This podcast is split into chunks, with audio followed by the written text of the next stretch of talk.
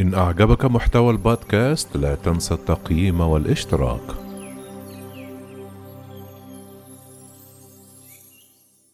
الرئيس الأمريكي دونالد ترامب يلوح لمشاركته بالسباق الرئاسي في عام 2024 مجددا.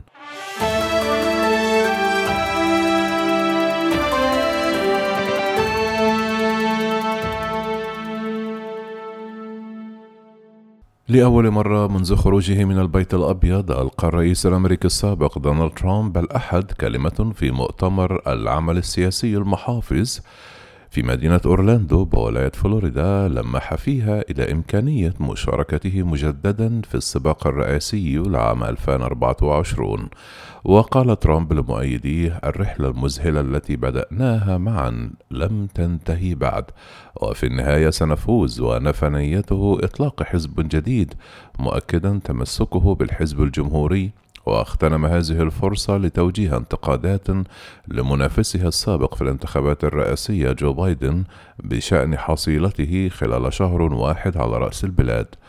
ألقى الرئيس الأمريكي السابق دونالد ترامب الأحد كلمة له لأول مرة منذ خروجه من البيت الأبيض أمام جمهور من المحافظين المتشددين جاءت في إطار مؤتمر العمل السياسي المحافظ وهو الملتقى السنوي للمحافظين الأمريكيين الذي افتتح الجمعة في مدينة أورلاندو بولاية فلوريدا.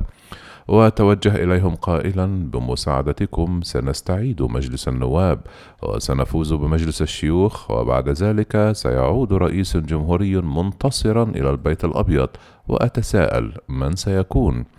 وقال ترامب على الديمقراطيين في الواقع أنتم تعلمون أنهم خسروا الانتخابات مروجا من جديد للإدعاءات بأنه حرم من ولاية رئاسية ثانية بسبب حصول عمليات تزوير في الانتخابات ملمحا إلى إمكانية خوضه للسباق الرئاسي المقبل بالقول لكن من يدري من يدري؟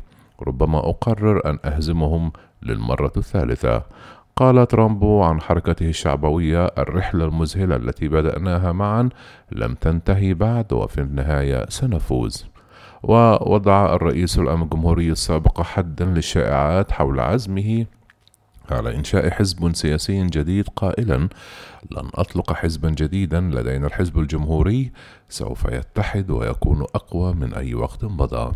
لكن الحزب الجمهوري يعاني انقسامات كبرى منذ الهجوم العنيف الذي شنه أنصار ترامب على مبنى الكونغرس في واشنطن. وبعد أربع سنوات أمضاها ترامب في البيت الأبيض خسر الجمهوريون السيطرة على مجلسي الكونغرس وعلى البيت الأبيض. كما أن الرئيس السابق يحمل إلى الأبد وصمة آلتي عزل فتحتا في حقه اتهم في إطار الثانية بالتحريض على الفتنة على خلفية اقتحام الكابيتال. وشن الرئيس السابق ترامب هجوما على بعض الجمهوريين الذين شعر بأنهم خانوه وقد سمي بالاسم الجمهوريين العشرة الذين صوتوا لعزله في مجلس النواب والجمهوريين السبعة الذين صوتوا بلا جدوى لإدانته في مجلس الشيوخ.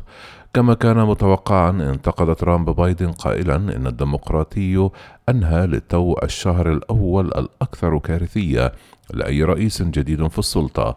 ووصف ترامب في خطابه المتشائم أمريكا بأنها أرض منقسمة مشددا على أن أمننا وازدهارنا وهويتنا كامريكيين على المحك.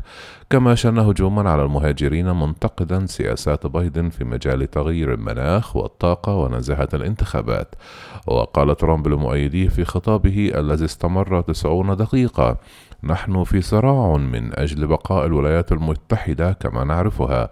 هذا صراع هذا صراع رهيب ومريع ومؤلم وفي النهاية نحن نفوز دائما. ويتردد السؤال نفسه سواء بين حلفائه أو معارضيه. هل يعلن الملياردير البالغ من العمر 74 عاما أنه سيترشح للرئاسة مجددا في 2024 وقد ترك ترامب المح... للحاضرين أن يخمنوا ما إذا كان سيتواجد مع الرئيس جو بايدن في السباق المقبل إلى البيت الأبيض.